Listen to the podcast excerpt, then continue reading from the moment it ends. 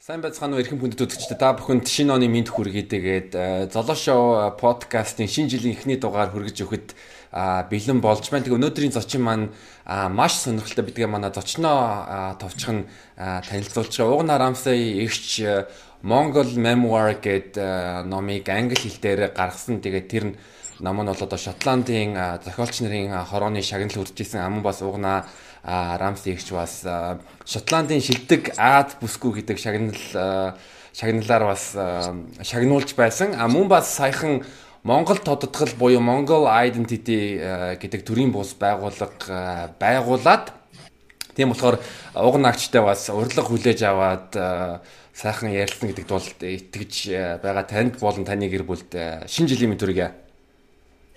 За баярлалаа. Шинэ оны мэд төргий. Ингээд 2020 оны 21 оны одоо тийм анхны ярилцлаганд орсонд маш их баярлалаа. Ингээд энэ жилийн ажил амьдралтэй эрүүлэнх сайн сайхан бүхнээр дүүрэн байхыг хүсье ерөөё. Ингээд бас үзэж байгаа үзэгчдээ ч гэсэн та бүхэндээ 2021 он бүх зүйл нь амжилттай бүтээлтэй ажил амьдрал эрүүлэнх бүх зүйл нь сайн сайхан байхныг ерөөё. Аа за тэгээд эхний асуулт бол хэдхэн сарын өмнө одоо Макс Ферштапен гээд Формула 1-ийн жолооч жолоочийн тийм хэрэг үүсэт бас манай Монголын засгийн газар бас монголчууд дэлхийд даяар байгаа монголчууд тэр дээр анхаарч анхаарч байсан. Тийм болохоор манай зарим монголчууд мэдгүй байж магадгүй Ер нь барууны орнуудад яагаад Дауны синдромыг Монгол гэж нэрлэдэг. Та тэрийг бас манай зарим үзэгчид танилцуулаад өгвөл бас хэрэгтэй хаа гэж бодож байна. За тий. Тэгэхээр барууны орнууд бол ер дэлхийд даяар олон олон хэлээр бас Монгол гэдэг үгийг одоо хүртэл буруугаар хэрэглээд байгаа. Энэ зөрчин 1860-аад оны үед хэлсэн байгаа. Энэ нь болохоор зэрэг Английн эрдэмтэн Джон Лангдон Даун гэдэг хүн одоо Лондоны Лондон орчимд тэнд э, баячуудын хөгжлийн бэрхшээлтэй хүүхдүүдийг асардаг тийм асрамжийн газар эмчээр ажиллаж байгаад мань хүн э, одоо тэр үедээ эрдэмтдийн дунд бас нэр хүндтэй байсан болохоор тий одоо онош бий болгох гэж оролцсон байгаа юм л да. Тэгээд ийм э, тэр хүний нүдээр харахад хэсэг бүлэг одоо түүний өвчтөнгүүд нь монгол хүмүүстэй адилхан харсан харагдсан гэж байгаа. Нүдэн чартахаар хавтгай нууртэй. Тэгээд монголчууд За адилхан болохоор нь Mongolian idiot буюу одоо тэнэг Монгол гэсэн тийм нэрээр одоо нэр нэрлээд энэ нь улс олон улс даяар ингээд онош болоод хөвшсөн байгаа юм л да.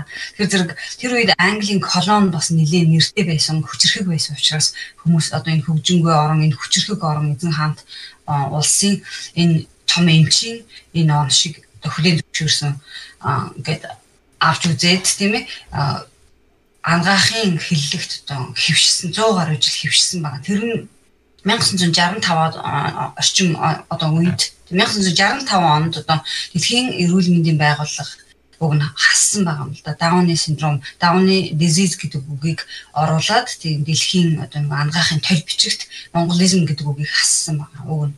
А гэхдээ харамсалтай нь одоо хүртэл амьдралын хүмүүс хэрэгэлсээр яваад тэр нэг Монголын Egypt буюу Egypt гэдэг үг нөгөө тэнэг усан тэнэг гэсэн утгатай. Тэр үед одоо хүмүүсийг хэрэгтэй тэгж дууддаг байсан байна л да бүх хүмүүсийг хөгжлийн бэрхшээлтэй хүмүүсийг тийм болохоор тэр тэнэг гэдэг үг нь одоо хүртэл хараалын үг болоод хувирчихсан тэр нь ингээд хэрэглэгдээд яваад байгаа. Би бол тэрийг өөрөө бас махан дээр мэдэрч байсан. Би Post 20 жил амьдсан Post ер нь гэр бүлтэйгээ өссөн. Тэгэхээр бас хүмүүс ингээ хэрэглэдэг байсан. А яг ингээ орсчлоод ирэх юм бол юу одоо Post бол Яки Монго эсвэл нэг Каки Монгол гэж ер нь би бинийгаа тэгж ер нь доголдог шоглдог байсан үе бол тэрийг анзаарсан л та. Аа за. Тэгээд юу Porsche тэгээд өөр хэдэн настай байв? Өөрт чинь ямар мэдрэмж төрж исэн бэ?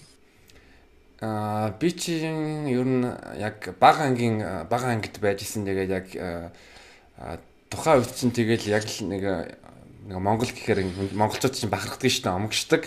Тэнгүүт нь Монголоос гадна зарим орнуудад жишээл Монгол ингэнгүүт нь бас ер нь ингээд доромжлын тэнэг гэдэг мухар одоо усан тэнэг гэж ойлгох надаас амар муухай санагдчих байсан. Аа. Харин тэгэхээр бид нар энэ тэнд ингээд гадагшаа гараа явахаар тэр өөр улсад ингээд ихэнх хүмүүс тааралцсан байдгийн байна л да. Тэгээд бас та зарим хүмүүс яг тааралцсан гэсэн мэдэхгүй байдаг. Тэр нь юу гэхээр зэрэг нэгдүгээр тэр хүмүүсийн яг амьдарж байгаа орчин юм уу сурж байгаа газар нь тэр хүрээлж байгаа хүмүүс нь энэ үгийг хэрэглэдэггүй байж магадгүй.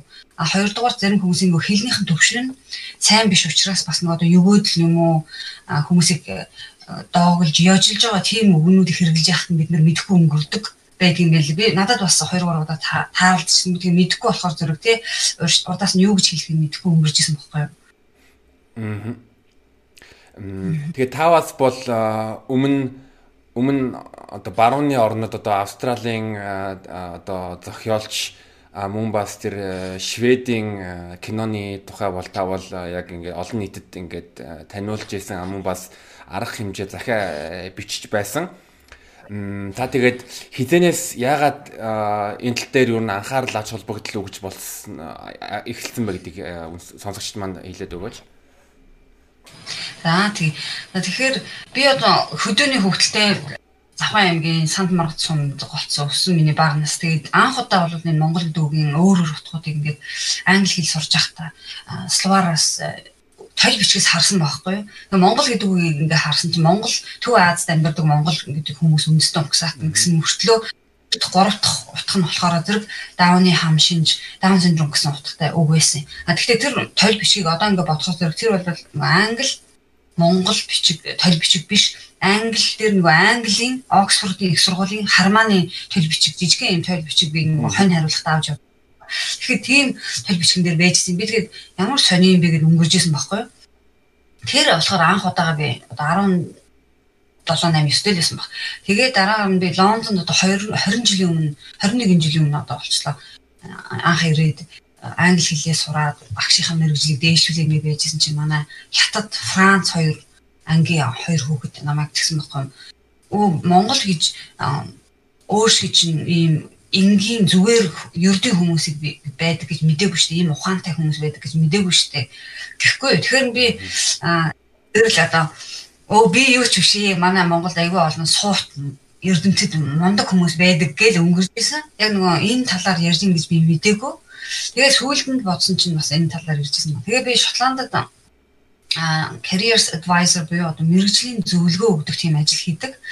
А тэгээд сургуулийн хүүхдүүдтэй ажилладаг байхгүй. Тэгээд сургууль дээр ингээд явж исэн чинь нөгөө сургуулийн тоглоомын талбай дээр хүүхдүүд нэг нэг Монгол гэж дуудах дуудаад тэгээ би ямар сони юм бэ гэдэг нөгөө ажил хамт ажилладаг хүмүүсээс ингээ асуусан чинь тэд нар ингээд айгүй эвгүй байдалд ороод өө санаа зовлтгүй энэ зүгээр л мартчих энэ ингээд зүгээр л хүүхдүүд ингээд нэг нэг ингэж доогол шоглдог байхгүй юу гэд ингээд айгүй ярмааргүй юм шиг тийм байсан а тэгээ харин яг би махбодороо мэдэрсэн нь хизээвэ хэр зэрэг 2009 онд манай одоо 3 дахь хүү маань гарсан.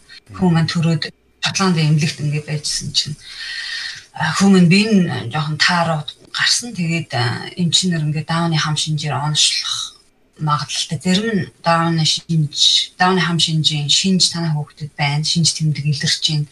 Ингээд тэгсэн зарим нь болохоор зэрэг өө энэ талаар санаа юу чамааг Монгол болохоор зэрэг ингээд бид нар бас шууд онцлоход хэцүү байна гэтгсэн.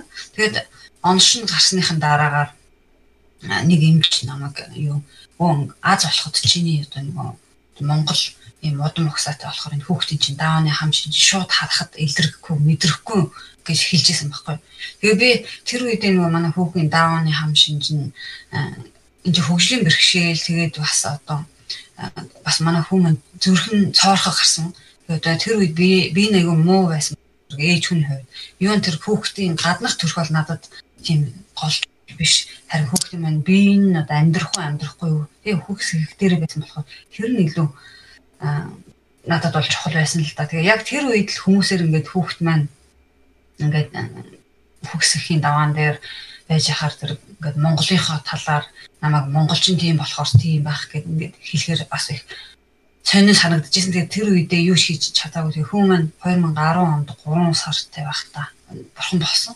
Асуураад тэгээд хүүгээ мөнхрүүлээ гэж бодоод тэгээд энэ талаар ингээд нэг хошин шогчд бас онигоо яаж өгөөдөл хийх ярихтаа ингээд телевиз хараад байгаа яриад хэрэглээд исэн баггүй. Тэнгүүт одоо ерөөсөө энэ талаар хүн юм хийж одоо хийдэг юм болоо хийгээсэ гэд би үрдэн яг айгүй бохимдчихсэн. Тэгээд ер нь ярьж эхлэе гэж одоо тэгээд эхэлж гисэн. Зөв танд ямар ч гэсэн юу хүлцэл өчөө. Мм Тэгээ бас манай би бас таны номыг одоо Kindle дээр уншаад 90% дээр яг бараг дуусгаж байгаа. Аа за. Тэгэхээр тэгэхээр надад амар таалагдсан. Ялангуяа яг ингээд уншиж эхлэнгүүт нь яг л яг яг таны хажууд нь кино үзэж байгаа юм шиг дүр зураг гараад ярьж байгаа. Аа Тэгээ бас тэгээ би бас өөрөө UB Comedy Club гэдэг stand up comedy хийдэг клубт харьяалагдж байгаа. Тэгэнгүүт нь бас Английн одоо тэ офисын зохиож исэн хүмүүсийн нэг Ricky Gervais бас тэр нэг 2014 15 онд бас What a Monk гэдэг ямар монгохгүй ерөнхийдөө монгол гэдэг үгийг товчлоод монг гэж хэлээ. Тэгэнгүүт нь би бас бас гарч ирсэн. Пүү хин үн чи бас тэгж ийсэн мүү гэд надад бас шинэлэг тийм мэдээ байсан. Оо тийм үү. Тэгэхээр тэр үед яг өөрт чинь өөрийн чинь чигэнд хүрсэн.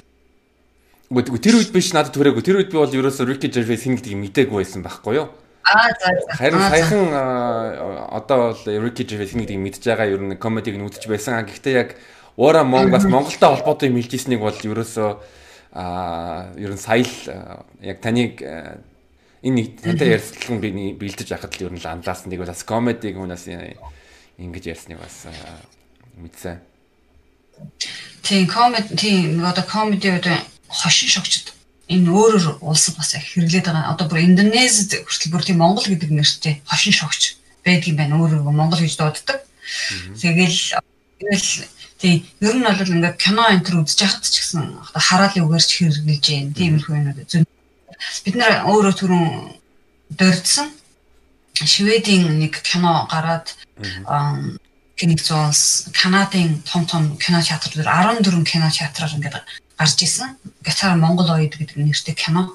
А тэгээд тэрний болор цэцэг гэдэг нэг палеонтологч байдаг. Тийм динозаврын одоо энэ яасан тийм манай болроо надад мэдэгдээд тэгээ бид нар юу яжсан энэ талаар ингээд тэмцээд манай Азаа одоо байгаа тийм Mongolia Live дээр байдаг. Азаа Азаа тэгээ болроо эднэртэй бид нийлээд BBC World Service буюу тийм BBC-ийн хамгийн их сонсогч дэлхийн хамгийн их сонсогчтой араад энэ төр дээр бас тийм юу ярилцлага энэ өгсөн. Тэгээд тэр Гитар Mongoloid-ийн найруулагчийг бас яг одоо нөгөө кино үзүүлэхийн өмнө асуулт хариулт болдог шүү дээ тийм. Тийм тэрүүнийхээ өмнө одоо кино тэр гараад киног гаргаж байгаа гаргахынхаа өмнө заавал энэ түүхийг хэлэх ёстой гэж уншуулсан. Албаар тэгээд тэр уншуулад Канадын тэр кино театр бас биднэрт бичлэгийг явуулсан. Тэр найруулагч нь одоо энэ үгийг хэрэгжилж болохгүй түүхэнд одоо орчин үед хэрэглэх ёсгүй түүхэнд хэрэгжилжсэн одоо бол энэ энэ нь бол монгол хүмүүсийг хүндэтгээгүй хэрэгжилжсэн үгийг одоо одоо орчин үед хэрэглэх ёсгүй гэсэн тийм юу уншуулж уншуулсан. Тэгээ бид нар бас тэгс тэгж тэмцчихсэн. Аа тэгээ өөрөө хэлжсэнээс бас хоёр 2017 онд Австралийн тэр э, нэг зохиолч одоо nutrition nutrition тийм хоол ааха тийм хоолны одоо эрүүл мэнд эрүүл хоолны талаар бичдэг тийм зохиолч хүн бас ном гаргасан шинэ ном гаргаад 20 мянга гар буцаж татсан. Яа тэгэхээр зэрэг Монгол гэдэг үгийг даавны хам шинжтэй хүмүүсийг илэрх тий хүмүүс гэдгээр бичсэн байсан тийм ном байсан л да. А тэгээд тэр номоо бол бас буцааж татаж бас өөрчлөлт гуйж исэн. Зөвхөн даавны хам шинжтэй хүмүүс болон тэдний гэр бүлийн тэр community гэж ярьдаг тий тэр хамт олонноос гадна бас монголчуудад бас бид нар бид нар бас дахиад бичээд одоо монгол гэдэг үгийг буруу үг муухай үг гэдгээр нөгөө хүмүүс нь хэлж тэр хүнд энэ үгийг одоо хүртэл хэрэглэх ёсгүй муухай үгийг гэж хэлсэн байсан. Тэгээд бид нар нөгөө талаас нь орж ирээд монгол гэдэг үг бол сайн үг ээ энэ үгийг зөв агуулгаар нь зөвөр хэрэглэх ёстой та бүхэн гэд тэгээд тэр хүн бас биднээс ууршилт гоогаад ингээд явуулсан байна. Тэгээд Аза бас манай Аза бас Шинэ Зеланд Австрали тэр үеэр явж исэн болохоор тэр миний нөгөө Монгол гэдэг номыг авчиж өгч исэн.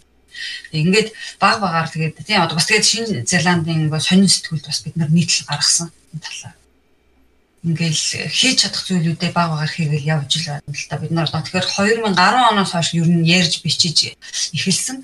Бид нарын нөгөө бичиж байгаа тэмцэж байгаа зүйл болгон хүмүүсийн нүдэн дээр ил дал байдгүй. Иймэрхүү захиануудыг бол бид нар зөндөө явуулдаг. Хамгийн гол нь нөгөө эдгээр хүмүүс нь олон нийтэд нэр хүндтэй тийм нэг од буюу celebrity тийм хүмүүс байсан учраас одоо олон улсын хэвлэл мэдээлэл төртөг ч юм уу? Ингэж харагдаж байгаа. Гэхдээ энэ нь бол бас биднэрт зөв одоо юу гэдэг нөлөөлөл яагаад гэхээр зэрэг манай байгууллага одоо шинэ байгууллага тэгээд одоо charity буюу бас тусламжийн төрийн бас байгууллага тэгээд бид нар мөнгө төгрөгнөөс ахгуулаад одоо өөрсдөө реклам рекламд нэгжтэй одоо хүмүүст хүрэхийн тулд мөнгө хэрэгтэй болно мөнгөтэй. Тэгэхээр зэрэг одуудын селебрити байгаа энэ одууд энэ хүмүүсийн одоо олон улсад олон хүмүүс танигдсан энэ талбар дээр хэрвээ бид нарыг ингээд ярьж эхлэх юм бол бид нарт бас хэрэгтэй яа тэр энэ хүмүүсийг үздэг, сонсдог, дагдаг хүмүүс болон одоо энэ нэвтрүүлгийг цацж байгаа радио телевиз сонин эднэр бол бас энэ Монгол гэдэг үгийг бас хамаахан ширлж болохгүй юм байна гэдгийг хүмүүс бас хэрэгжилж эхэлж байгаа. Тэгээ бас бид нарт нэг хэвлэлийн компани холбогдсон. Тэгэхээр зэрэг одоо Монгол Horde гэж яриад байдаг тийм Монгол э, юу адаг л да бас зарим юм англи хэл дээр нэг зэрлэг хүмүүс ирээл юм ингээл хяаруулаад унгаахыг одоо Монгол хоорд гэдэг үгээр хэрэглээд байдаг.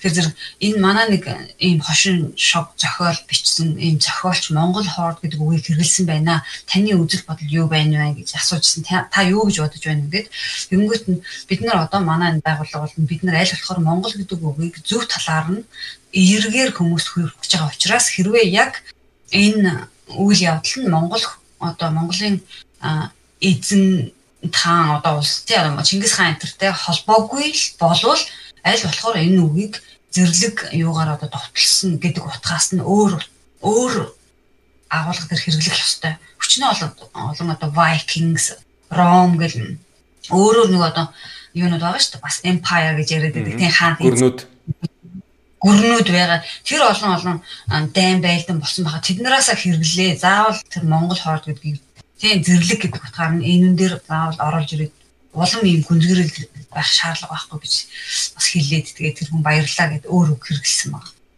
Аа.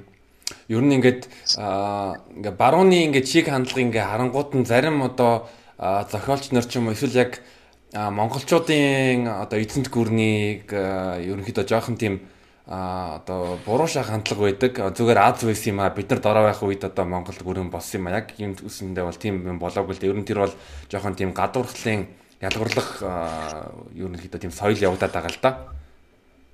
Тийм яг үнэ. Тэгэхээр зэрэг race science гэж хэлдэг тийм арьс үслийн тийм шинжлэх ухаан гэж 17 дугаар зууны үеэс цагаан арьстангууд ихэнх нь одоо герман болон одоо тийм цагаан арьстангууд өөрсдөө Caucasians буюу одоо цагаан арьстай энэ тийм Кавказын гар цагаан арьстай хүмүүс нь бусад арьс арьсны одоо өөр өнгөтэй арьстай хүмүүсээс илүү ухаалаг гоёмсог гэдэг утгаар тийм юм бол дэлхийд дахинд тийм соёлыг бий болгосон. Одоо Монгол одоо ер нь гадаадынхан ч гэсэн одоо ингээл хамраа том болох гээд ч юм уу нүдээ том болох гээд ч юм уу тийм үү цагаан арьстай бор арьстай байхаар дургу цагаан арьстай цайх гэдэг ингээд байгаа шүү дээ тийм үү. Энэ чинь болохоор зэрэг ийм ийм нэг ойлголтыг бий болгочихсон учраас хүмүүс тэр л гоё юм байна гэдэг нөгөө мэдрэмжтэй юм уу тийм ингээд суучсан. Тэгээд өөртөө хүртэл өөрчлөх гэдэг одоо мөнгө төгрөг өчнөө зарж ирстэй хүмүүс тийм ээ. Гэгч хэдэ одоо энэ бол яг ингээд нарийн ингээд угийг харах юм бол энэ бол хүмүүсийн зохиосон зүйл. Хүмүүс бол хүн төрлөختөн бол нэг л үндэс одоо угсаатан байгаа шүү дээ тийм. Тэнгүүт бие биенээс илүү гарах гад ийм одоо үлгэр шиг юм зохиогоо тэрүндээ итгээд ингээд хүмүүс төрөвлөхийн дагаад ингээд явчихсан байна л да. Одоо бас нөгөө хар цагаан арьстан, улаан арьстан ч гээд ярддаг тийм үү. Тий Азийн Монгол ой тэгээд Тийм тэр нь болохоор зэрэг яг үнэ одоо юу Блуменбах гэдэг юу Германы тийм эрдэм тийм Германы Блуменбах байгаа. Тэгэхээр зэрэг хүн арьс үндэснийг 5 янзаар хуваагаад монголчууд гэдэг нь болохоор зэрэг Азууд одоо өөрсдөө монголчууд а тэгээ нөгөө талынх нь бас монголчууд гэдэг тэр категорид орж исэн буюу юу нь болохоор тэр хятад японууд орж исэн байгаа юм л та. Харин тий тэгэнгүүт нь бас яг нэг юм 19-р зуунд яг ингээд одоо тэг ялгарлан гадуурсан тэр зохиолсон юм нь одоо хүртэл одоо байгаад байдаг. Тий. Тий одоо хүртэл байгаад байдаг. Болохоор зэрэг бид нар өөрсдөө энэ нэг тий уучлаарай та бүхэн энэ нэг боловсралтай хүмүүсийг одоо боловсруулж боловсруулж ийн гэж би яриад байгаа юм л да. Educate educated тийм үү хүмүүс өөрсдөө бид нар бол боловсролтой бид нар ухаантай гэж ярьсаар хагаад хүмүүс эдгээр итгүүлээд нөгөөдөл нь ингээд өөрсдөө нь дорд юм шиг болгоцсон. А яг үнэндээ бол бид нар яг л адилхан шүү дээ. Уг нь бол тийм үү? Тийм болохоор бид нар Black Lives Matter буюу одоо энэ хар арьстай тий боолчлын эсрэг тэр энэ хөдөлгөөн бол бас биднэрт одоо энэ манай Монгол тодтгол буюу Монгол identity-ийн байгууллагыг бий болоход бас суур болсон гэж үзэж байгаа. Яа тэгэхээр яг энэ үеэр бас энэ пандемик буюу коронавирус гараад юу болол да манай одоо энэ тэмцдэг олон хүмүүсийг олон орноос бид нар одоо 3 4 сараас эхлээд интернетээр зүүмээр хооронд уулзаж эхлээд тэгээд 7 6 7 сараас ерөөсөө байгууллага байгуулъя хэгжиж энэ талаар тэмцэж хүчтэй гарч ирэх хэрэгтэй байна гэж ярьсан. А тэр нь бас яасан бэ гэхээр Германд хөл хүндтэй эмэгтэй нөгөө одоо их налхсан одоо бүр юу гэдэг чинь хяналтанд ордог тийм хяналтанд ордог гэд Германд ингээд очсон чинь Германых нөгөө тэр хяналтын газар ханан дээр ийм юу байсан байгаа юм л да. Бичиг юу вэ гэсэн чинь та даавны хам шинж буюу монголизмын тест шинжилгээ хийх бол та бүхэн биднэрт мэдэгдэж болно гэд. Тэгэхээр монголизм гэдэг үгийг ингээд ердийн хэрэгжилчихсэн байжсэн. Тэгээд тэдний вебсайтн дээр нь хүртэл байжсан ба. Тэгээд тэр манай монгол эмэгтэй энэ талаар ингээд хэрэгжилж болохгүй шүү дээ. Энд чинь ингээд түүхэнд хэрэглэхэ болчихсон үгийг та бүхэн ингээд хэрэгжилж байна гэсэн чи ерөөсөө үйл тоосон байна л да. Тэгээд яг миний номыг уншсан байж таарад Facebook дээр намайг олоод тэгээд холбогдсон. Тэгээд бид нар манай одоо багийнхан өөр улсад байдаг. Тэгээд бид нар юун дээр шууд сошиал медиа интернет төр тавиад энэ газар руу германаар ярьдаг буюу германд амьдардаг найзууд байвал энэ газартай холбогдож эднэрийг өөрчлүүлье гэж тэгсэн. Тэгэл айгүй олон утас тэр яасан гэсэн хүмүүс олон имэйл очсон гэсэн олон ч утас хүмүүс утастаад тэгээд дараагийнх нь 7 хоногт солилцсон байхгүй юу вебсайт энэ төр бүхнүүд нь ингээд солигдоод тэгээд дараа нь яасан бэ гэхээр тэр эмэгтэй бүр ингээд өөрөө судлаад өөрөө ингээд биеэр мэдрээд судлаад цаашаа айгүй олон бас өөр 10-аад юм нэг Германы яг тийм их нялхсан тийм байгууллагууд одоо клиникл гэж би яриад байгаа л да. Ийм мэндийн тийм байгууллагуудын чагсаалтыг бид нарт гаргаж өгсөн. Тэгээ бид нар ер нь ингээд байгууллага болоод энэ талаар тэмцээгээ. Тэгээд манай Монгол тодтгол буюу Монгол identity бас эхэлсэн байгаа юм л да. Аа. Зүг. Тэгээс ингээд яг таны одоо үүсгэн байгуулсан төрийн бус байгууллагыг ингээд яг ингээд лозунгийн ингээд уншингууд нь а Монголыг соёлоор болон боловсрлоор таниулах тэр тэрний талаар та яриад өгөөч. За тийм. Тэр зэрэг ер нь ингээ Монголын одоо барууныхын ихэнх нь аяр гадаадд ингээ яхаар зэрэг ихэнх гадаадын хүмүүсийн Монгол судал Монголыг судалдаг гадаадын хүмүүсийн дуу хоолой ер нь ихэнхдээ Монголыг тодорхойлдог. Тэдний нүдээр одоо олон улсынхан монголчуудыг харж байна гэж болно. Тийм болохоор манай байгууллагын одоо тийм зорилго зорилт нь болохоор зэрэг Монгол дуу хоолой өөрсдөө бид нөр өөрөө өөрсдийнхөө түүх соёлыг орчин цагт бид нар одоо чадвартай болчихсон байна. Олон хэлээр ярьж ийн монголчууд, залуучууд тийм ээ. Бид нар өөрийнхөө түүхийг сайнтай муутай байгаагаар нь хүмүүст өөрөө бид нар ярина. А гэхдээ энэ Монгол эрдэмтдтэй бас хамтрах хэрэгтэй. Яагаад тэгэхээр бид нар хамтарж ийж хүмүүсийг харилцан ойлголцож, харилцан суралцах учраас зүгээр л бид нарыг сонс гэдэг хүмүүс бас сонсохгүй тийм ээ. Тэгэхээр зэрэг манай Монголын энэ сайхан урлаг, энэ сайхан түүх тийм ээ өчнөө олон зүйл байхад манайхыг мэдхгүй байгаа байхгүй хүмүүс гадаадд юу ч мэдхгүй шүү дээ. Монгол гэж юу байдгийг бэ гэхээр зэрэг одоо Чингис хааны үеийн их түүх бодогдол зарим хүмүүс одоо Монгол гэдэг улс байдгийг мэдэхгүй.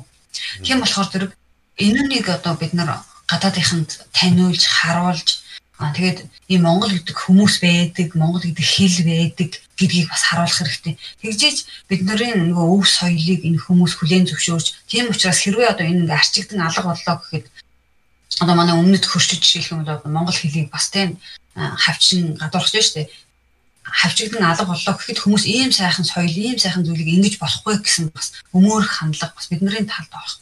Тэмхүү юм зөөлөн аргаар бид нар тэмтэж байгаа гэсэн үг. А түүнээс биш яг хаа энэ тэнд очиод энэ цогсоод ингээд бичиг бариад урдаа тийм энэ ингээд яа гэхээр яг хаа тэмцэж л байгаа. Гэхдээ яг бидний алсын хараа бол өөрсдийнхөө зөөлөн аргаар хүчрхэгжүүлэх. Одоо тэг гадаадад бас манай монгол хүүхдүүд гадаадд төрж өсөж байгаа монгол хүүхдүүд байна. Одоо холимог хүүхдүүд байна, тийм үү? Тэр хүүхдүүд маань монгол гэсэн сэтгэлтэй байдаг. Тэднэрт монголынхоо монгол хэл соёлоо ойлгуулж, монголоороо бахархдаг тийм мэдрэмж төрүүлж чадах юм бол цаашаа ингээд улам тархаад ингээд хүмүүсийг өөрсдөө татаад бид нар ингээд явах хэрэгтэй л да. Тэгээ бас одоо Монгол кино дуучид урлаг соёл гэдгийг одоо нааш найлуулахад дэлхийн тавцан дээр л гаргаж ирэх тийм л зорилготой байгаа. Тэгээ яг бид нар чадах зүйлээ л хийн. Бүгдээр бид нар бүгдээр хамтдаа л хийн гэж бодож байна л да. Энэ бол их том зорилго. Манай Монгол хүн болгон энэ талаар энэ зорилгыг бол энэ зорилгод хүрэх гэж явдаг учраас бид нар бас хүчээ нийлүүлээд ингээ хийвэл илүү их хамтдаа олныг хийж чадах лөө гэж найдаж байгаа. Зөв. Би бас яг таны хэлж байгаа юм юм дээр бол нэг юм хэлмээр байна. Аа та Борат гэдэг киног мэдэх үү? Борат. Мэднэ. Аа Борат гэдэг кино анх нэг 10 жилийн өмнө гарч эхлэнгүүд Казахстан амар тийм эсэргүүцлээ илэрхийлж байсан. Тэгсэн чинь энэ жил Казахстаны аялал жуулчлалын яг юуны сурталчилгааны юун айн нь эхлээд тэгэнгүүт нь яг Казахстанных нь яг одоо тий Nike Just Do It шиг гэсэн чинь Казахстаны яг лоц нүг нь бол юу? Very nice Yes тий. Тийм бэ. Тийм байсан. Яг го тэр болохоор зүрх одоо а юу Боратыг гарснаас хойш Казахстаны аялал жуулчлал бас айгүй их бий болсон байгаа юм л да. Казахстан гэж орн байдаг гэдэг энтрийг тийм хүмүүс мэддэг болоод ингэсэн байгаа юм. А тийм болохоор яг хуу тэр энэ дээр бол бас бидний юунаас арай өөр л дөө. Яа тэгэхээр зэрэг хин Боратын хэдийгээр нөгөө хошин шогч гисэн Борат маань Борат Борат гэнэ Саша Бара Кор тийм жүжигч маш тийм.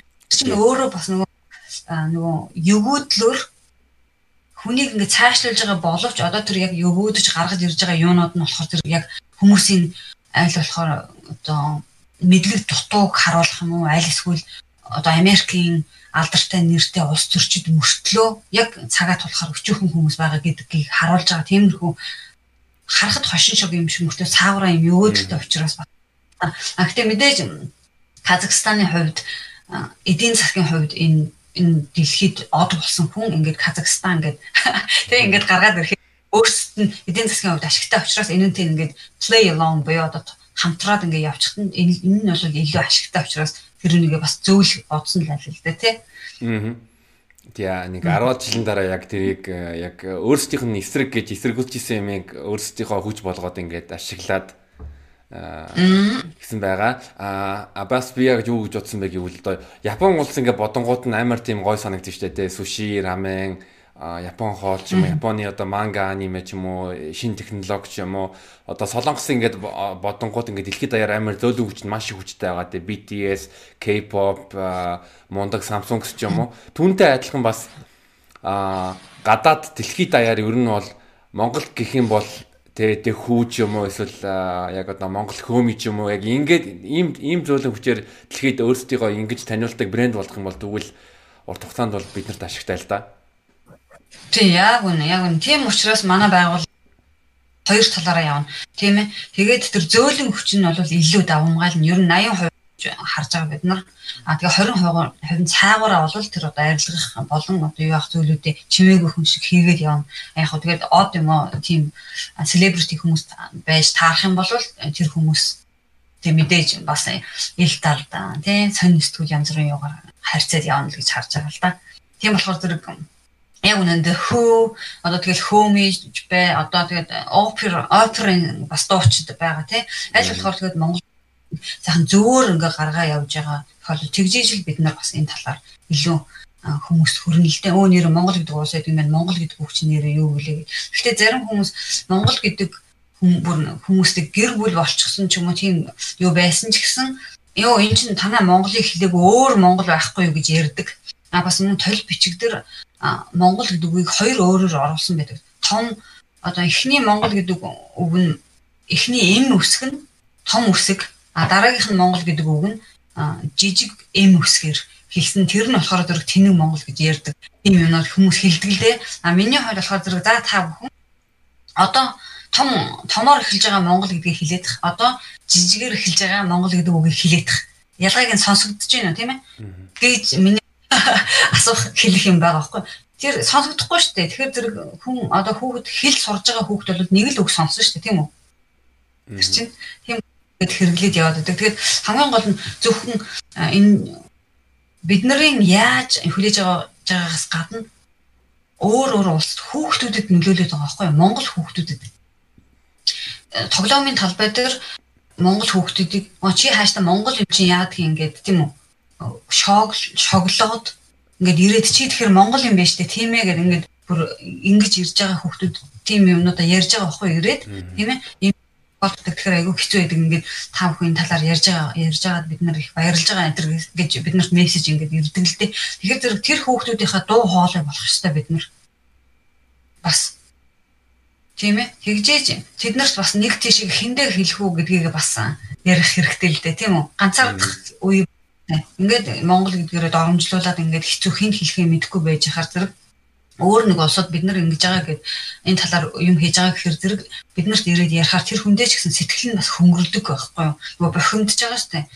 Зөвхөн хүүхэд ч бас том хүмүүс ч гэсэн ирж ярддаг л та. Ер нь бүр том эрдэмтдийн бүр одоо шинжлэх ухааны лабораторид ажиллаж байгаа хүн тохиолдсон байгаа юм юм зүйл. Аа олон улсын э, талбар дээр ер нь бол а засгийн газар гадаад хэргийн яам элчин сайдын яамд ер нь энэ энэ хэр дэмжлэг үзүүлдэг байдаг энэ дээр бас ер нь хэр тэмцдэг вэ?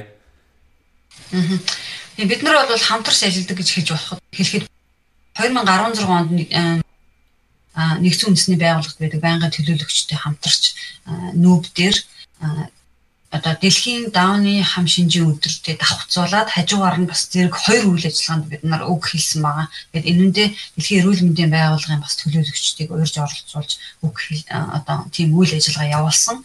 Аа тэгээд бас гадаад явдлын яамны Монгол одоо гадаадад Монгол соёлыг сурталчлах тэр салбарынхантай бас харьцсан. Аа тэгээ одоо сая Max Verstappen энэ төр гэхэд бол манай одоо нэгдсэн үндэсний байгууллагын байнгын төлөөлөгч Женевд суудаг тий төлөөлөгч захиа бичсэн гихч ингээд хамтраад юмнуудаа хийдэг. Бид нар хэрвээ одоо олон улсад нөлөө бүхэн од хүмүүс байх юм бол мэдэгддэг л дээ. Ийм юм болж байгаа шүү та бүхэнд мэдэгдэж гэд өөрсдийнхөө юм хийн гэхдээ хажуугаар нь бас Монгол улсынхаа одоо гадаад явдлын яам болон одоо тэр тухайн улсад сууж байгаа Монгол улсын элчин яамны сайдд бас мэдэгддэг.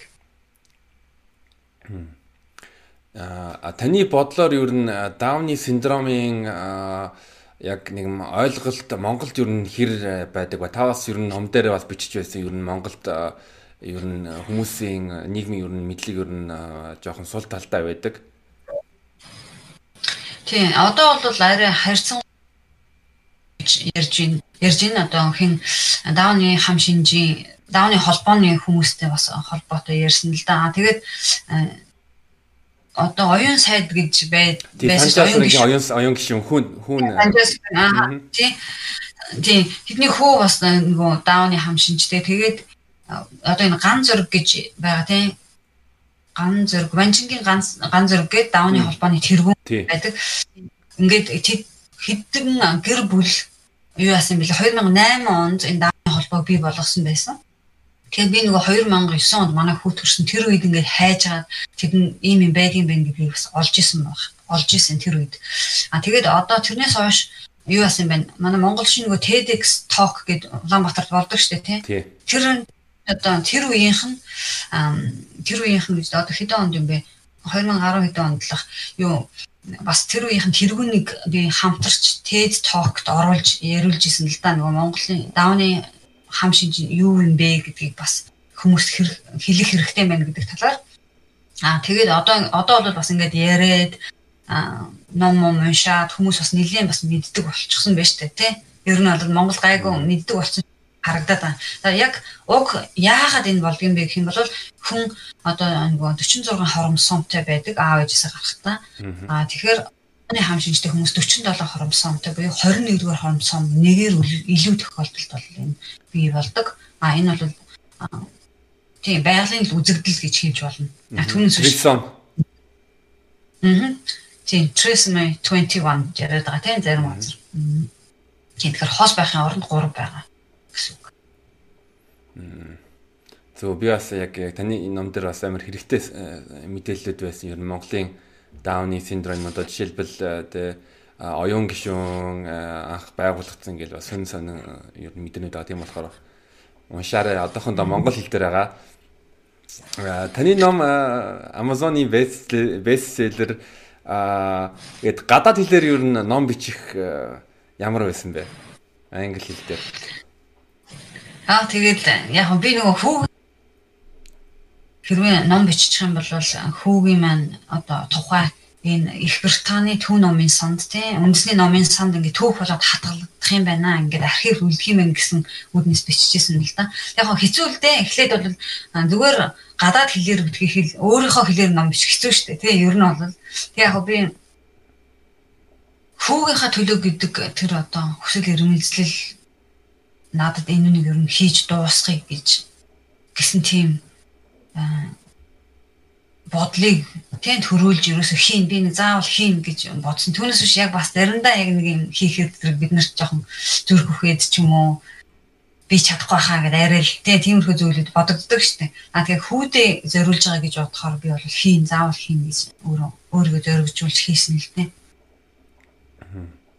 Аа би өөрөө 91 онд төрсөн аа Аа тийм болохоор яг яг таны номыг ингээ уншингууд яг цаг хугацаагаар аялж байгаа юм шиг тийм дурсамж төгссөн одоо. Тэр Улиастай Санд дараа нь Улаанбаатарт их сургуульд сурах тэгээд аа тэ англи англи хэлний ингээ танхим тэгэнгүүт нь Лондон явах ингээл тэгэл. Тэр бас яг тухайн үеийн бас Улаанбаатарын нийгмийн амьдрал амьдралын бас таны тавас бас амар гоё а Монгол соёлыг мэдгүй гадаад хүмүүст сайхан тайлбарлсан байх үү дээлж юу вэ гэвэл одоо монголчуудын бууз цагаан сарыг ингээ маш гоё ингээ тайлбарлсан Монголын ахуй амьдралыг амар гоё энгийнээр амар ойлгомжтой тайлбарлсан одоо амар гоё санагдсан. Баярлалаа. Тэгээ энгийн хамгийн гол нь ном миний ном ном зохиолын бүр тийм том том том үг хэрэглэж бичсэн ном биш. Энгийн байж хүмүүст хүрэх аль болохоор олон хүнд хүрэхийг л би зорьсон л доо.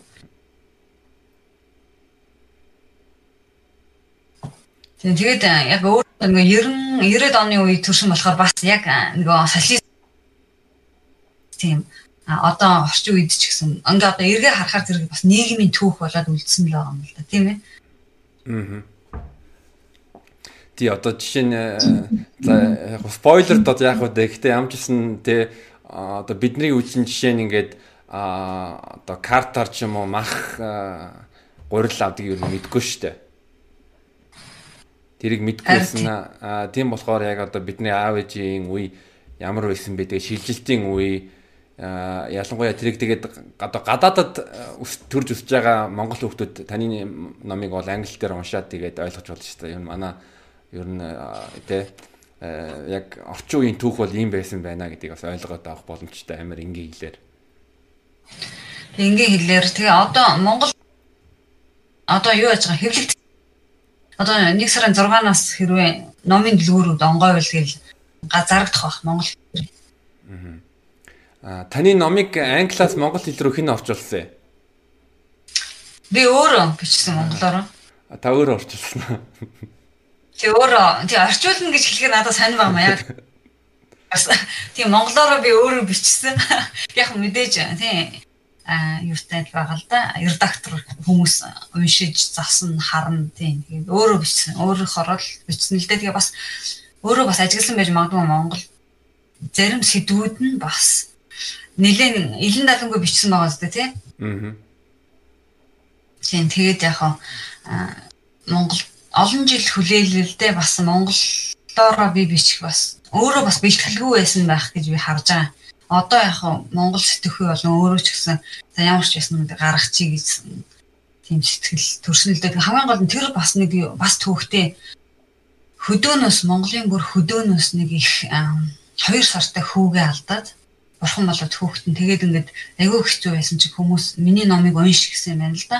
Тэгээд гэсэн чинь миний ном англи хэл дээр байж таарад Тэгээд надтай холбогдоод ингээд би одоо англи хэл сурдаг юм билүү би таны номыг унших унших гэд хүмүүс надад тэгээд ингээд тэгээ би за би юу яа монголчоор бичиж тэгээ би эхнийхээ бүлгүүдийг бичээд тэр хүмүүнд лөө явуулдаг байсан. Тэгээд тэгээд ер нь за одоо тэгээд талд нь ороо за одоо нэг юмсэн дуусахаар нь би яваа гаргаж ийс тэгээд номыг уншаараа гэх тэгээд яасан л да. Тэгээд ингээ харахаар зэрэг босон аливаа нийгэмд заримдаа бид нэр өхөл хагацлын тухай бас ярьдгүү тий.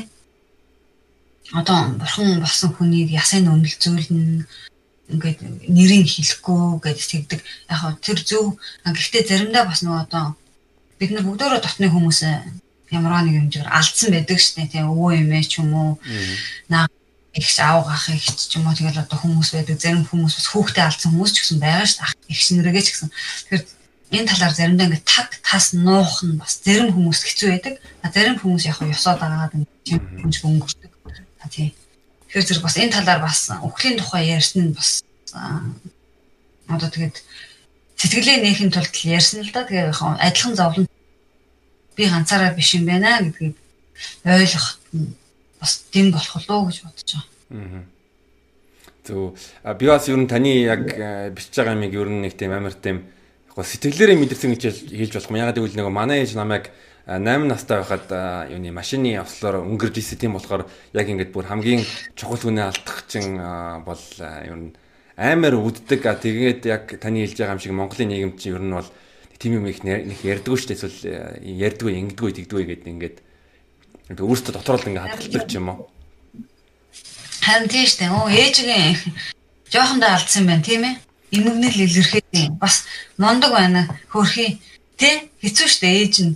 Бас Надад бол ер нэг нэг ном амар тийм хэрэгтэй санагдсан. Гэхдээ би тэр номыг нь яасан л да нэг а яг оюутан байхдаа уншижсэн Элизабет Кублер Росс гээд э, Швейцарын сэтгэл судлаач байдаг. Тэгээд тэр юуны шаналлын 5 5 алхам гэдэг ном гарсан. Ерөнхийдөө Five Stages of Grieving а одоо ойрын дотны одоо тийм ээжигаа ч юм уу хүүхдээ алдсан хүмүүс хүмүүс хүмүүс ер нь яадаг юм бэ тэр сэтгэл зүйн талаас бүх юмыг ингээ тайлбарлсан. Тэр номыг уншаад би бол ер нь өөрийгөө ойлосаа ер нь ойлгосон л. Ягаад гэвэл хүүхэд чинь юм ойлгодог. Юм хүлээж авахд бэлэн биш байдаг. А тэгэнгүүт нь яг ингээд сүлд насан түрээд би нэрээ юмжсэн байна ингээд ингээд бодонгууд нь ер нь тийм бас нэг юу засал болж байгаа байхгүй юу? Тий яг үнэ. Ойлгох чухал ингээ эргэж тэрүүнийг ингээ эргцүүлэн бод. Аа ингэжсэн байна гэдэг ингээд ойлгох бас чухал байгаа тийм ээ. Аа. Тий Тийм байна. Тий. Тэгэхээр э, яг ингээ бодонгууд бас ойлоос амар тийм хэрэгтэй мөртлөө бас амар чухал сэдв ярьж байна. Ягаад гэвэл яг ингээд зүгээр одоо байнга одоо хүмүүстэй таарангуудаа ингэсэн ингэсэн зовлоо ярих зовлонгоо ярихгүй харин яг ингээд тэр хэрэгтэй момент нь ирэх юм бол тэрэндээ ингээд ярьчих юм бол бас л болж байгаа байхгүй юу? Тийм. Тий, ер нь бол ярих ёстой. Хүмүүс ярьж идэг идэгх нь хаашаа юм тийм үү? Одоо бүр бүрэн мөсөн гэж байхгүй. Тийм энэ одоо гриф гэж яриад байгаа тийм ээ. Гашуудлаа ойлгоход бид нар тэр хүнийхээ тухай сайн сайхныг бодож тэр хүнийхээ тухай баг зэрэг ярьж дурсамж дурсамжаа хөөрнөж одоо тэр хүний таньдаг мэддэг байсан бол тэр хүнийхээ тухай хоорондоо ярьж ингэж бид нар бас тэр хүний санаж цана гэдэг нь юу вэ гэхээр зэрэг мөнхрүүлэх одоо дурс түүнээс биш санаад ингээд бас одоо манай буддийн шашинд ч гэсэн ярьдаг да уйлвал ингээ бороо ордог тийм ээ цаашаа ингээд явах нь хэцүү ингэчихдээ тэгээ яг одоо ингээ харахаар шашин болгон өөрийнхөө өөр өөр түүхээр хүмүүс сэтгэлээ ялаашуулж одоо идэхийн тулд өөр өөрөөр л үзчихл тийм үү ярьсан байгаа юм л да. Тэгэхээр энд бол гашуудалтай бол аль нь зөв аль нь бурууг бас ингээд тэнцүүлээд ингээ харьцуулах харьцуул буруу гэж би бодоод байгаа. Хүмүүсийн өөрсдийн зан арын шин одоо эдийн засгийн байдал, орчин, соёлын ялгаанаас шалтгаалаад айл өөрт нь таалагдж байгаа бөгөөд тохирж байгаа зүйлээ л хүлийн зөвшөөрөөд тэр үгээрээ л тэгэл хүн ярьдаг да зовлон даадаг тий. Тэгэл тэгэл гарна да. Аа. Тий, тэгээд яг миний бас нэг ойлголт юу гэвэл яг аа одоо яг энэ энэ төрлийн зовлон юм гашуудлыг хүн өөрөө тэрийг нь өөрөө тэрийг үүрж иж өөрөө тэр одоо тэг гашуудлаа гашуудлаа дурсамж болгоод тэгээд тэр тэрийг одоо хөлөн төшиг өөрөө ингэ явах зүнээс бол яг тийм гадны нөлөө ер нь жоохон бага байдаг л та. За одоо тий одоо одоо зүгээр одоо ингээл нэг цаг хугацаа өнгөрт юм чи одоо тэгээд тий тайвшир нэг болт юм чинь. Гэтэ тэрнээс тэр хүн өөрөө яг тэр тэр гашуудлаа нэг хэсэг хугацаанд дотороо тээж байгаа тэгээд за одоо би ер нь бэлэн болчихлоо энийхээ одоо ер нь гаргая гэдэг тийм хүн хүн хуу хүнд болно хүн болгонд өөр өөр үүдэг л та. Тий. Яг үнэ. Яг үнэ. Зарим хүмүүс одоо шүршүүрт уйл ч юм уу хүмүүсээс нууж орон дотроо дэрэн дээр уйлах ч юм уу гих зэрэг. Зарим хүмүүс болохоор зэрэг ингээд энэ талаараа ярьдаг. Зарим хүмүүс ном бичдэг. Зарим хүмүүс дуу бичдэг. Тийм үү? Зарим хүмүүс орхолдон зориулж хөшөө дурсгал аль эсвэл буйны ажил хийдэг ч юм уу гэх шиг ингээл өөр өөрийнхөө өөртөө тохирсон аргаараа л тэгэл гашуудлаа туулаад явж байгаа юм л да туулахаас өөр арга байх тий. Аа. Жижиг тэгээ бас яг ингээд амьдралын жаа болохоор бид нарыг бас өөрчилдөг. Тэгэл зарим хүмүүс улам хүчтэй болоод босч ирдэг тий. Зарим хүмүүс тэгээд ингээд нэг одоо зүрхэн гэвэл илгэн имтрээд тэр имтерсэн илгээ хизээш нөхөж чадахгүйгээр болдог зарим хүмүүс тийм үү. Хизээш нөхөж бүрэн тэгэхгүй ч гэсэн талч гэсэн нөхөд өөрийнхөө амьдралыг одоо нөгөө амьдарч байгаа энэ цаг хугацаанд амьдрсан шиг амьдраад боломж байгаа боломж гарч иж байгаа тэр боломж болгоныг өөртөө хэрэгтэйгээр эргүүлээд ингээд амьдрсан шиг амьдраад явах бас нэг өөр байгаа тийм ээ. Аа. Тийм. Аа та бас тэгээд ер нь бол карьер зөвлөгөө өгөх мэрэгчлээ байгаа. Аа тэгээс яг ер нь яг энэ подкастыг үзэж байгаа хүмүүс бол голдуу 18-аас 24 насны залуучууд хүүхдүүд байгаа. Тэгээ тийм болохоор энэ цар тахлын үед бол яг бидний амьдрал бол тэгээ 360 градус ингээ эргэцсэн байгаа. Тийм болохоор та бас өөрийнхөө туршлагаас хаваалцаад ер нь манай энэ үдж байгаа хүмүүст ер нь карьер карьер төвлөх таны одоо хамгийн одоо төгс зөвлөгөө яг юу юм бол тэрийг бас хуваалцвал бас хэрэгтэй байна гэж бодож байна. Аа. За тэгэхээр зэрэг юу карьер буюу тийм мэрэгжлээ сон дээр үед хүмүүс нэг мэрэгжил сонгоод тэр чигтээ ингээл амьдрал нь болчдөг юм шиг байдаг боддог. Аа тийм байж болно. Жишээлх юм бол одоо багш багшийн мэрэгжлэр мэрэгжил эзэмшсэн хүн насаараа багш хийгээл тэтгүүртэй гараад тэгэл сайхан байж болж байгаа тийм. Жишээлх юм бол А орчин үед хүн заавал нэг ажилтай байгаад ах шаардлага байхгүй тэрийг өөрчлөн өөр улс оронд очиж болно, өөр ажилд орж болно, тушаал дэвших ч юм уу ингээд өөр өөр зүйлүүд илүү их юутай болсон юм л да боломжтой. Тэгэхээр зэрэг одоо энэ цар тахлын үед бас зарим хүмүүс юм ингээ боогнол болцсон байна гэж харж магадгүй. Миний нүдээр харахад бас бид нарт илүү боломж бас бий болж байна. Яа тэгэхээр зэрэг одоо захим орчинд маш олон боломжууд гарч ирсэн байгаа юм л да тий. Тэгэхээр зэрэг одоо аюул олон интернет дээр гэхтэл үнэгүй тийм сургалтууд байна. Тэгэхээр одоо future learn гэж сонссон. Future learn буюу MOOCs гэж яриад байгаа юм да. Massive online courses гэж байдаг. Тэрэн дээр тий 6 7 хоног үнэгүй курс хийгээд ямар л бол ямар сэдвэр дэлхийн олон ихтэй сургууль болол тий курс хийгээд хэрвээ тэрэн дээр одоо яг шалгалт өгөөд яхах юм бол мөнгө төлж бол түүнээс биш ингээд хийгээл яваад байхад бол болохоор тийм зөнд юунууд байгаа жишээлх юм бол аа тэгээд одоо бас хүн ер нь мэрэгжлээ сонгоход нэг 5 зүйл 4 5 зүйл бол хүчин зүйл байдаг гэж би хардаг. За нэгдүгээрт өөрөө өөрийг мэдэх би хий юм бэ? Миний би ер нь яг юу гэх гээд байгаа юм бэ? Юу чухал юм бэ надад те? Би одоо олонд нэртэй танил болох надад чухал уу аль эсвэл мөнгө төгрөгтэй хүмүүс баян гэж ярьдаг. А миний хувьд бол баян гэдэг бол бас харьцангуй ойлголт тий. А санхүүгийн хувьд бас боломжтой болох тэр талаагаа бодож гин үү. А одоо аль эсвэл өөр өөр улсад аялдаг, өөр өөр хэлээр ярьдаг маар байгаа мó. Аль эсвэл хүмүүнлэгийн ажил хийж хүн хэрэгтэй зүйл хиймээр байгаа мó.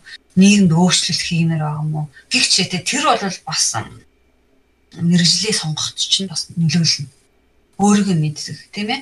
Тэрнээсээ шалтгаалаад би юунд сайн бэ бас өөрийнхөө сайн чанаруудыг болон тэднийг одоо би математикийн хичээл сайн юм уу? Хичээл хэл хэлтэй хэл сурах сонирхолтой тэрүүндээ илүү юу? Хүнтэй харьцах чадвар нь сайн уу?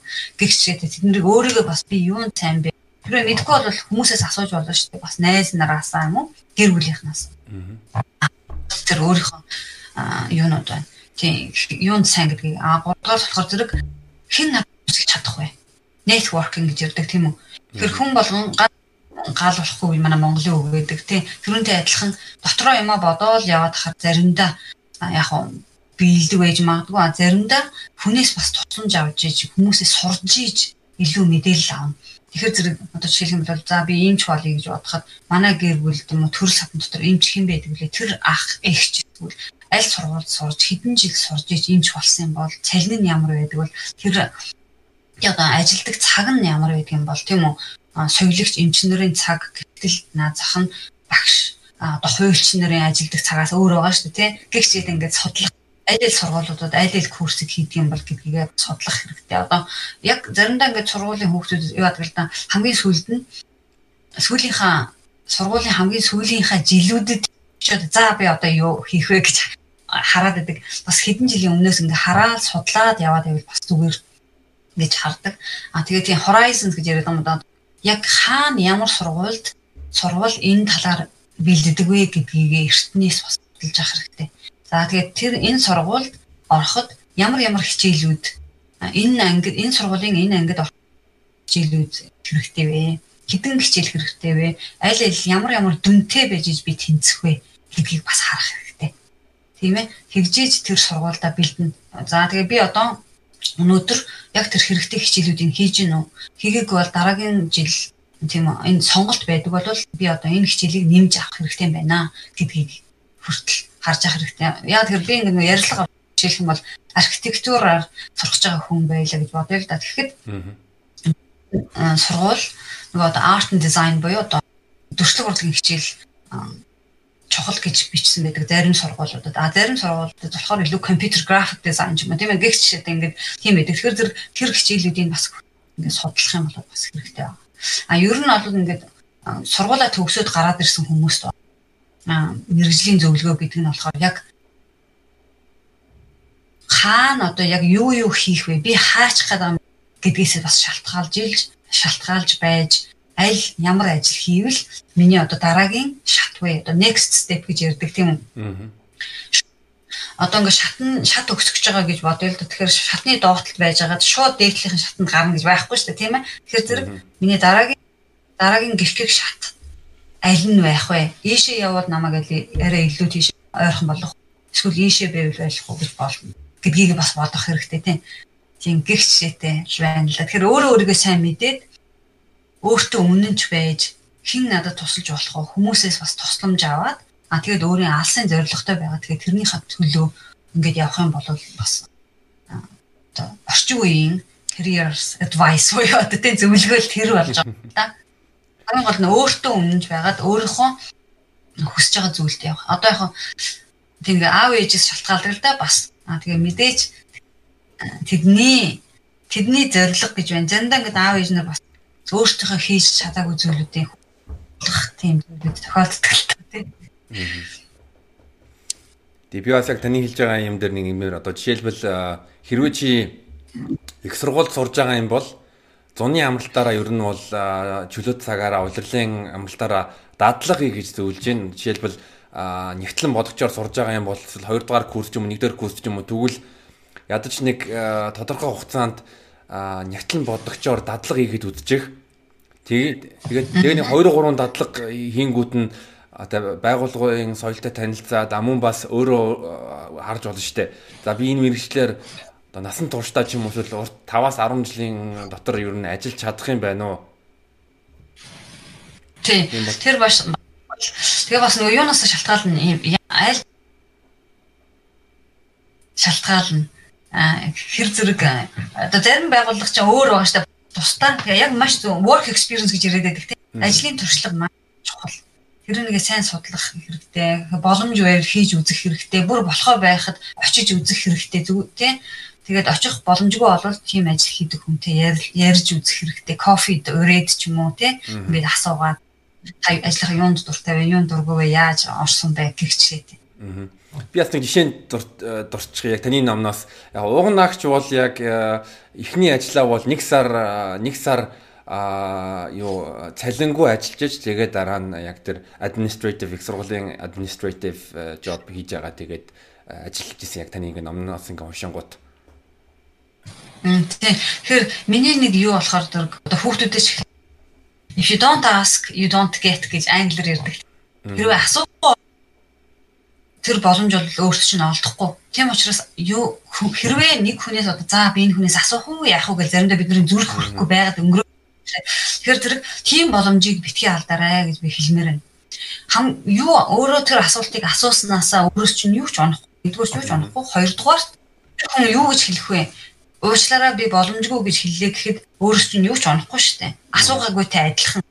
Тийм учраас асуугаал үзээл алдах хэрэгтэй. Ер нь бол одоо ингээд нэртэй хүмүүс ч юм уу айл эсвэл ингээд өөрөө хүндэтгэж явдаг хүмүүс энэ хүнтэй ярих юмсан энэ хүнээс юм асуух гэсэн тийм хүмүүс байх юм бол орчин үед ялангуяа одоо Facebook, Messenger гэдэг энэ тий олон шүү дээ. Instagram мессеж бичээл асуугаал үз хэрвээ хээл аз болоод хараад ингээд тэр хүн чинь маш олон хаалгуудыг боломжуудыг өөрт чинь нээж өгөх юм билүү.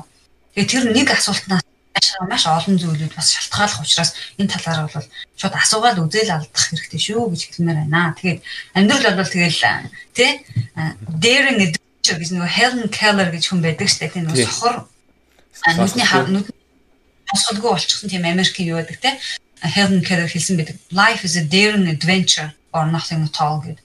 Тэгэхээр амьдрал бол өөрийн чинь одоо зөрөгтэйгөө хийж тэр алхам л гэсэн үг. Тийм болохоор өөр асуулт асуухтаа бол маш зөрөгтэй сайхан өөрийнхөө асууж сураарай гэж хэлмээр. Аа. За. За тэгээд яг энэ манайхан энэ подкастыг сонсож байгаа хүмүүсээс бас амар нэлээд хүртээмжтэй дугаар болсон гэдэгт бол найдаж байгаа. За тэгээд а угнаагчтай сайхан ярил сайхан илэн далангуу сэтгэлээсээ ярилцсанд маш их баярлалаа. Тэгээд Монгол тодотгол Mongolian Identity төрийн бус байгууллагад сайн сайхныг хүсэн өрөөй. Маш их баярлалаа. Ийм сайхан өөдрөө үнэн сэтгэлээсээ тийм Илэн далан ярьж байгаа ийм сайхан подкаст зохион байгуулж явуулдаг өөрт нь бас маш их баярлалаа мөн үнсэж байгаа залуучдаа ч гэсэн ажилд нь амжилт хүсье. Тэгээ манай Монгол тодтгол байгууллагт хэрвээ сайн дураараа ажиллах ч юм уу, тийм ажлын туйтайгаа юм уу, эсвэл өөрийнхөө хийж чаддаг зүйлээсээ бид нартай хуваалцаж бас дэмжих тийм боломж байвал бид нартай холбогдоорой гэж хэлмээр байна. Маш их баярлалаа. За баярлалаа. Би бас яг видеоны description болон comment хэсэг дээр уг нь агчийн болон Mongolia Mongolian Identity төрийн бус байгууллагын холбоо судыг тавьчихсан тийм болохоор та нар бас ороод үзээд танилцаарай. За уг наагчтай баярлаа. Баярлалаа. За баяртай.